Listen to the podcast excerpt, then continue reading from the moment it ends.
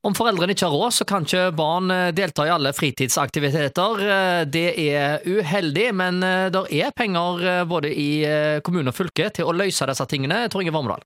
Det er kjempeviktig det at barn og unge ikke opplever store ulikheter når de vokser opp. Altså, dette med at vi har likt skoletilbud og at vi har likt fritidstilbud, det er kjempeviktig. At det blir ulikheter i voksenlivet, det, er ikke til å unngå.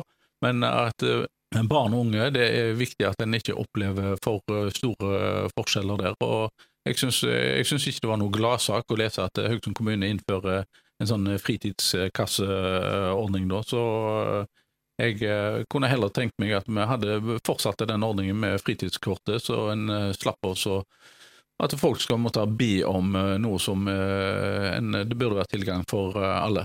Ja, altså Du er inne på dette her med strømpris. altså Hvis regjeringen heller hadde gjort noe tiltak for at alle fikk lavere strømpris, så hadde det ikke vært nødvendig i det hele tatt å tenke på sånne ordninger. Og så må du huske på at når en lager sånne ordninger, så er det noen som skal forvalte dette. altså Du pålegger deg en masse kostnader og byråkrati, og så bruker du av tida til folk fordi de må disponere tid på å søke og finne ut av disse tingene. Og det tror, tror jeg eh, mange lar være, fordi at det blir bare heft, og en gidder ikke veldig mange som nå ikke En ting er at det tar tid, men òg veldig mange som vil oppføre det som oppfatter dette som ydmykende. At de mm. må søke og be om uh, støtte til noe så uh, elementært som det å få dekka kontingent til å være med i en fotballklubb eller en fritidsaktivitet. Så det, det syns jeg er en, en lite hyggelig ordning de har innført her, da. De, de, de sa jo i valgkampen at de skulle da Eh, nærmest gå til, til krig imot uh, fattigdom i, i, Norge. Men altså når, når, både strømpriser og drivstoffpriser og matvarepriser og alt øker så dramatisk som de har gjort nå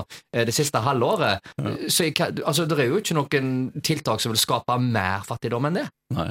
Nei, det, det, er helt uh, katastrofalt, det som nå skjer. Og det verste er jo altså at politikerne kan gjøre noe med det. Ja, en, kan, eh, en, kan, fint ta eh, og senke avgiftene på dette med drivstoffavgiften. En kan ta og innføre en makspris på strøm. Og når det gjelder matvareprisene, så økte jo de formidabelt nå 1. juli i forbindelse med at det, dette eh, Vi hadde da dette jordbruksoppgjøret, jordbruksoppgjøret som gjorde at ja. mm. matvarene ble høyere. Men vi kunne jo gått inn også på en del matvarer og eh, ikke hatt så høye prisninger som vi har gjort. Så her har etter min mening regjeringen har gjort en eh, dårlig jobb, eh, enkelt og greit. Så vi kunne ha unngått mye av dette. her. Da. Og Det nytter ikke bare å sitte og skylde på at det er krigen i Ukraina som er årsaken til dette. her. Det, det, dette her syns jeg er tafatt, rett og slett. En bør nå kunne ta og få en eh, makspris eh, på strøm. En bør kunne ta og få ned eh, drivstoffutgiftene ved å senke en del av avgiftene. Og når det gjelder matvareprisene, så kunne en òg tatt og sagt at vi trenger ikke ta 50 kroner for en pakke med rismør. Vi tar oss og øker prisene til et lavere nivå enn det de har uh, gjort. Altså, på en rekke matvarer nå så økte jo prisene dramatisk, og mm. det er bevisst valg fra politikerne. Ja, og igjen, kampen mot fattigdom, de gjør det ikke enklere for seg sjøl?